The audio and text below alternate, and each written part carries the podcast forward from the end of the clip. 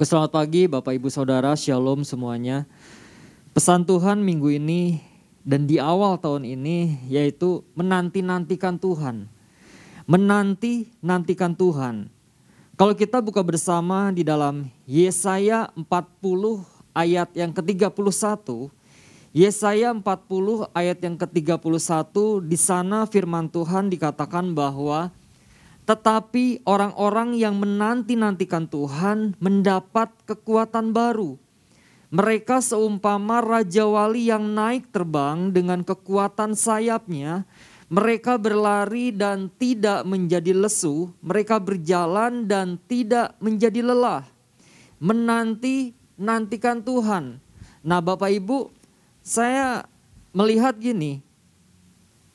Seorang pendaki yang menanti-nantikan sunrise, seorang pendaki yang menanti-nantikan matahari, matahari terbit, dia pasti akan uh, berusaha untuk naik ke gunung itu sampai ke puncak. Nah, selama perjalanannya pendaki ini untuk sampai ke puncak, ada fase-fase yang harus dia jalani ada perjalanan-perjalanan yang dia harus hadapi, yang harus dia alami ketika sampai puncak dan ketika dia melihat sunrise itu sendiri. Mungkin jalan-jalanan yang berbatu. Mungkin kadangkala pendaki itu harus terjatuh karena tersandung oleh batu. Nah, ternyata di dalam menanti-nantikan Tuhan itu ada sebuah perjalanan yang harus kita lewati kemarin sudah disampaikan, ada satu pengorbanan. Ada hal-hal yang harus kita lakukan, yang harus kita kerjakan dalam hidup kita. Nah, menanti-nantikan Tuhan. Kemarin Pak Ishak sudah sampaikan Bapak Gembala di poin pertama. Poin pertama, fokus. Fokus kepada Tuhan. Nah menanti-nantikan Tuhan itu kan berarti kita harus menaruhkan pengharapan kita, mata kita tujuan kita kepada Tuhan. Nah sering kali gini, ada kesalahan dalam setiap orang-orang percaya betul. Saya menantikan Tuhan. Saya menantikan Tuhan dalam hidup saya. Tetapi di sisi lain, di samping itu, dia menaruh pengharapan kepada hal yang lain. Sedangkan dikatakan menanti-nantikan Tuhan, itu kita harus fokus kepada Tuhan, kepada pribadi itu sendiri, kepada Yesus. Nah, satu pertanyaan yang patut kita pertanyakan dalam hidup kita, hidup saya. Apakah saya, apakah kita masih menanti-nantikan Tuhan dalam hidup kita? Atau gini, kita sudah merasa lelah. Kita sudah merasa capek. Kita sudah merasa letih menanti jawaban Tuhan. Kita sudah merasa, aduh, menanti pertolongan Tuhan yang tidak kunjung tiba. Sehingga kita bertanya tentang keberadaan Tuhan itu sendiri. Apakah Tuhan yang saya sembah itu ada atau enggak? Apakah Tuhan yang saya agung-agungkan itu ada atau tidak? Sampai kapan saya harus menanti-nantikan Tuhan? Saya belum mengalami perubahan dalam hidup saya. Nah memasuki tahun 2022, Tuhan kasih pesan, menanti-nantikan Tuhan. Tetapi orang-orang yang menanti-nantikan Tuhan mendapat kekuatan baru. Nah kata kuncinya kan untuk kita mendapatkan kekuatan baru yaitu apa? Menanti-nantikan Tuhan. Tetapi orang-orang yang menantikan menanti-nantikan Tuhan mendapat kekuatan baru.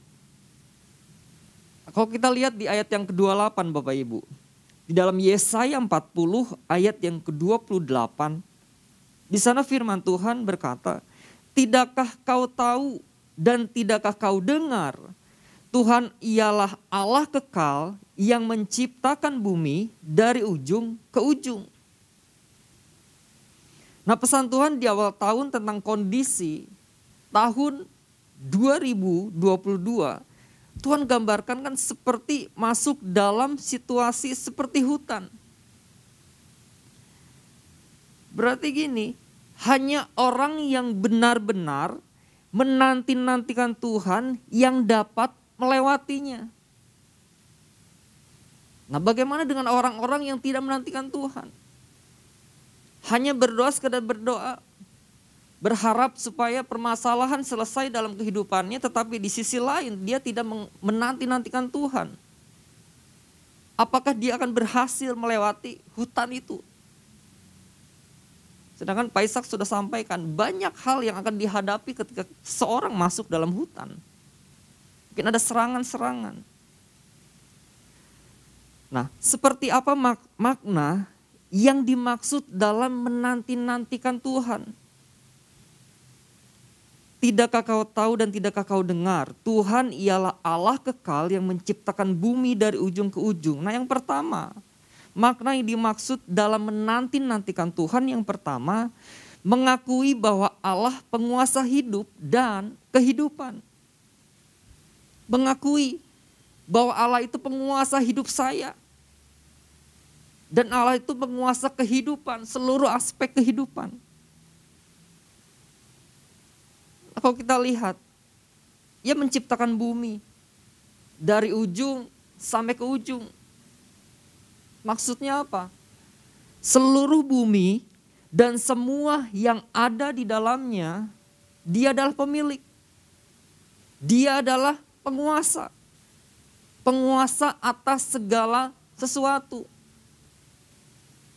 Nah artinya gini, Allah yang kita sembah, dia memiliki kuasa yang mutlak. Dia memiliki kuasa atas segalanya dan dia mempunyai kuasa untuk apa? Untuk menolong setiap kehidupan kita. Dia punya kuasa untuk membantu umatnya yang dalam kesesakan. Mungkin umatnya sedang dalam pertolongan. Dia berseru kepada Tuhan. Dia punya kuasa untuk itu. Tetapi gini, sering kali orang percaya paham, betul. Dia paham bahwa yang menciptakan dunia dan segala isinya adalah Tuhan. Tuhan yang menciptakan semuanya. Tapi gini, dia tidak menempatkan hidup dia. Dia tidak menempatkan bahwa Tuhan berdaulat dan berkuasa atas hidupnya. Dia ngerti, oh iya Tuhan menciptakan pohon ini. Dia menciptakan seluruh isi dunia ini tapi dia tidak menempatkan bahwa Tuhan berkuasa atas hidup saya. Tuhan berdaulat atas hidup saya. Betul. Dia minta pertolongan kepada Tuhan, berdoa, Tuhan tolong saya. Tetapi doa hanya sekedar doa. Sebuah lantunan doa yang sekedar diucapkan tetapi gini, dia tidak melihat bahwa Tuhan itu yang berkuasa atas hidupnya. Bahwa Tuhan itu berdaulat atas hidupnya.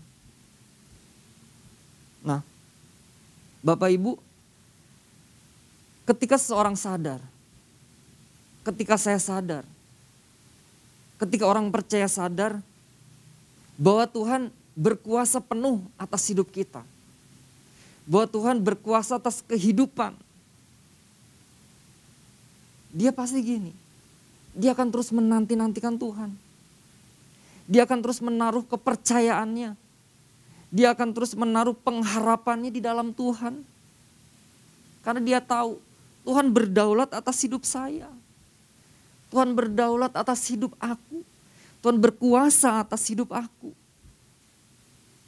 Nah Bapak Ibu, kalau kita lihat di dalam Habakuk ya. Habakuk dari pasal 1 sampai pasal yang ketiga. Di sana Habakuk bergumul dia bergumul dengan adanya suatu realita kehidupan yang sedemikian memprihatinkan. Nah kalau Bapak Ibu buka dalam Habakuk 1 ayat yang kedua. Habakuk 1 ayat yang kedua. Demikian firman Tuhan. Berapa lama lagi Tuhan aku berteriak tetapi tidak kau dengar. Aku berseru kepadamu penindasan tetapi tidak kau tolong. Nah ada berapa banyak gini, orang-orang percaya Dia berteriak kepada Tuhan. Dia berseru kepada Tuhan. Tetapi gini, dia tidak merasakan mana sih pertolongan Tuhan. Apakah Tuhan ada? Seakan-akan Tuhan membiarkan apa yang saya sedang alami. Permasalahan yang sedang saya alami. Nah kalau kita lihat Habakuk ini, seakan-akan kan gini, Tuhan membiarkan kejahatan, kekerasan, pertikaian terjadi. Jadi Tuhan seakan-akan gini membiarkan orang yang berbuat jahat dalam kemakmuran sedang sedangkan orang yang jujur hidupnya tidak berdaya. Nah Habakuk saat itu mengalami apa? Suatu goncangan iman. Dia mengalami suatu goncangan iman ketika menyaksikan suatu realita hidup yang dia lihat itu. Yang seperti itu. Tapi gini, kalau kita baca semua di pasal 1 sampai pasal yang ketiga. Kita lihat bahwa ketika Habakuk terus berkomunikasi dengan Tuhan. Dia terus berhubungan terus dengan Tuhan secara pribadi Justru kita lihat gini, dia semakin mendalam, dia semakin mengerti, dia semakin mengenal Tuhan itu sendiri. Sehingga dia menarik satu kesimpulan bahwa jika Tuhan mengizinkan sesuatu terjadi, ada satu rencana. Ada satu karya yang akan buat, yang akan Tuhan buat di sana. Tuhan punya kendali di sana. Tuhan punya kuasa di sana. Bagaimana dengan kehidupan kita Bapak Ibu? Ketika kita memasuki tahun 2022 ini. Kita akan memasuki sebuah realita kehidupan. Hal-hal yang mungkin yang kadang kita pikirkan kenapa ini harus terjadi. Kenapa kehidupan harus seperti ini. Kenapa keluarga saya harus seperti ini Kenapa pekerjaan saya harus seperti ini? Kenapa bangsaku harus mengalami seperti ini? Ada realita-realita yang akan kita hadapi. Mungkin ada banyak pertanyaan-pertanyaan pertanyaan yang akan kita lontarkan. Ada pertanyaan-pertanyaan yang kita pertanyakan dalam hidup kita. Tetapi gini, ketika orang-orang percaya, ketika kita menempatkan Allah, penguasa hidup dan kehidupan, maka gini, apa pun yang kita alami, apa pun yang terjadi hari-hari ini, Tuhan punya kendali atas hidup kita. Tuhan punya kuasa atas hidup kita. Tuhan punya kuasa untuk apa? Untuk menolong setiap hidup kita. Karena gini, Tuhan punya rancangannya. Tuhan punya rancangan atas setiap ciptaannya. Pertanyaan dalam setiap hidup kita. Dan saya, Sudahkah kita mengakui bahwa Tuhan, bahwa Allah yang kita sembah, dia adalah penguasa hidup dan kehidupan. Apa pun yang kita alami, apa pun yang terjadi, Tuhan punya kendali atas hidup kita. Tuhan punya rencana yang begitu dahsyat atas hidup kita. Yang kedua Bapak Ibu, seperti apa makna yang dimaksud dalam menanti-nantikan Tuhan. Yang pertama mengakui bahwa Allah penguasa hidup dan kehidupan. Yang kedua, mengakui bahwa Allah adalah satu-satunya sumber kekuatan kita. Mengakui bahwa Allah adalah satu-satunya sumber kekuatan kita. Itu di dalam ayat 29. Di sana dikatakan apa? Dia memberi kekuatan kepada yang lelah dan menambah semangat kepada yang tiada berdaya. Mungkin kita berkata seperti ini. Bagaimana saya mau mengakui Allah sebagai satu-satunya sumber kekuatan saya. Sedangkan kehidupan saya tidak mengalami perubahan.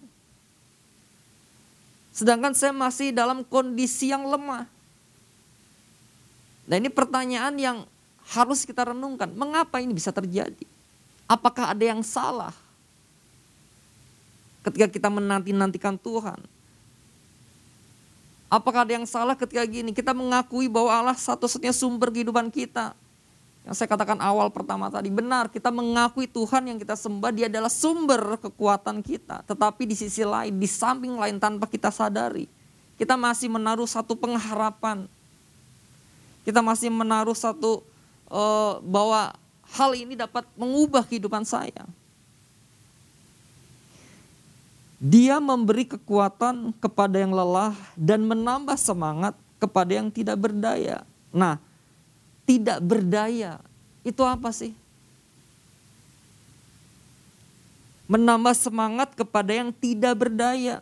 Nah, di sini kata tidak berdaya dalam bahasa aslinya yaitu one.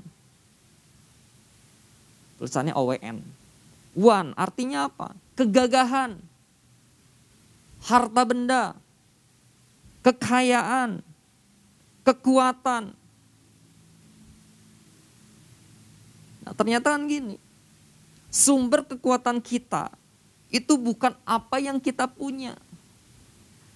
Sumber kekuatan yang sebenarnya bukan apa yang kita miliki, bukan kegagahan kita, bukan harta benda, bukan kekayaan, bukan kekuatan, tetapi gini, ketika kita masih mengandalkan itu semua tanpa kita sadari gini, kita tidak pernah mengalami kekuatan Tuhan yang sebenarnya. Lalu kita komen gini, kenapa sih Tuhan kok tidak perhatikan saya? Kenapa sih Tuhan tidak memperdulikan saya? Pernahkah kita recheck kehidupan kita? Pernahkah kita, saya recheck kehidupan saya pribadi. Ketika kita berkata, kita komen, Tuhan tidak perhatikan saya. Mungkin Tuhan bicara gini, aku selalu memperhatikanmu. Aku selalu memperhatikan setiap situasi apa pun yang kau hadapi. Tetapi engkau tidak menyadari. Karena apa? Karena menaruh pengharapan kepada apa yang engkau punya baik itu kegagahan, harta benda, kekayaan, dan kekuatan. Artinya ketika kita sadar Bapak Ibu, ketika saya menyadari akan kelemahan kita dan siap mengakui gini, bahwa saya tidak berdaya. Maka ketika pengakuan ini terjadi, kita percaya gini, ada kekuatan Tuhan yang akan turun. Ada kekuatan yang istimewa yang akan Tuhan berikan dalam hidup kita. Karena gini, kita tidak berdaya. Kita manusia, kita tidak berdaya. Hanya Tuhan yang sumber kekuatan yang dapat menolong kehidupan kita. Bukan semua hal. Bukan kekayaan, bukan kegagahan, bukan kekuatan, bukan kepintaran. Tetapi sumber utama yaitu Tuhan itu sendiri. Nah, ada berapa banyak orang yang mulai merasa lelah Bapak Ibu? Ada berapa banyak orang yang mulai merasakan satu kehidupan yang mungkin ah ini sama saja. Tidak mengalami satu perubahan dalam kehidupannya. Saya menemui salah seorang seperti ini Bapak Ibu. Dia sejak kecil dia kenal Tuhan. Dia sejak kecil dia pernah ikut sekolah minggu. Dia tahu bahwa hanya satu sumber kekuatan dalam kehidupan yaitu Tuhan Yesus, nggak ada yang lain. Tetapi ketika dia dihadapkan oleh suatu realita kehidupan, dia diperhadapkan dengan masalah-masalah yang dialami dalam kehidupan, dalam keluarga, dalam pekerjaan, dalam segala hal dalam kehidupannya. Dia mempunyai satu samping, satu pengharapan yang bagi dia mungkin dengan kekuatan saya, saya bisa mengubah segala sesuatunya. Nah hati-hati Bapak Ibu. Saya bertemu dengan orang ini. Dan dia berkata, ah saya berhak, saya tahu Tuhan itu Tuhan yang dahsyat. Saya sedih ketika mendengarkan itu. Saya tahu Tuhan itu Tuhan yang begitu luar biasa. Tetapi saya tidak mengalami apa-apa ketika saya ikut Tuhan. Saya tidak mengalami sesuatu yang yang begitu baik, yang begitu yang luar biasa. Ketika dia melihat ada sesuatu yang lebih indah, dia beralih. Dia katakan gini, saya mau meninggalkan Tuhan. Saya saya pakai dengan kekuatan saya, saya, saya sendiri saja. Saya akan pergi, saya akan ikut dengan orang lain dan saya akan ikut dengan, dengan kekuatan saya. Saya tidak mengalami apa-apa tuh di dalam Tuhan. Saya saya bilang kepada orang ini, Tuhan yang kita sembah, dia adalah sumber kekuatan kita. Mungkin kita mengalami satu masalah, satu problema dalam kehidupan kita. Tetapi gini, di saat kita menanti-nantikan jawaban Tuhan, di saat kita menantikan pengharapan Tuhan datang kehidupan kita, ada satu perjalanan yang harus kamu lewati. Ada perjalanan yang harus kamu jalani. Itu adalah proses. Gak ada yang instan. Tetapi dia gini, dia tetap. Dia tetap meninggalkan Tuhan. Saya pikir, udah benar. Kamu udah benar. Udah benar-benar tepat langkah yang kamu ambil. Dan konsekuensi ketika kamu meninggalkan Tuhan seperti apa. Nah Bapak Ibu, menanti-nantikan Tuhan, mengakui bahwa Allah adalah satu-satunya sumber kekuatan kita. Nah saya katakan lagi, mungkin realita kehidupan kita yang kita hadapi berbeda dengan apa yang kita harapkan. Tetapi kita percaya gini, ada Tuhan, ada sumber kekuatan itu yang akan terus menolong kehidupan kita dan menolong kehidupan saya semua, saya. Jangan salah menaruh pengharapan. Nah mari Bapak Ibu, pagi hari ini seperti apa makna yang dimaksud dalam menanti-nantikan Tuhan. Yang pertama, mengakui bahwa Allah penguasa hidup dan kehidupan. Lalu yang kedua, mengakui bahwa Allah adalah satu-satunya sumber kekuatan kita. Nah mari Bapak Ibu kita semua, kita terus sama-sama belajar. Bagaimana kita menanti-nantikan Tuhan. Bagaimana kita terus fokus kepada Tuhan. Menaruh pengharapan kita dalam Tuhan. Karena kita percaya ketika kita menanti-nantikan Tuhan. Ada satu yang Tuhan sediakan di sana ada sesuatu yang begitu luar biasa yang Tuhan sediakan dalam setiap kehidupan orang-orang percaya. Tuhan Yesus memberkati.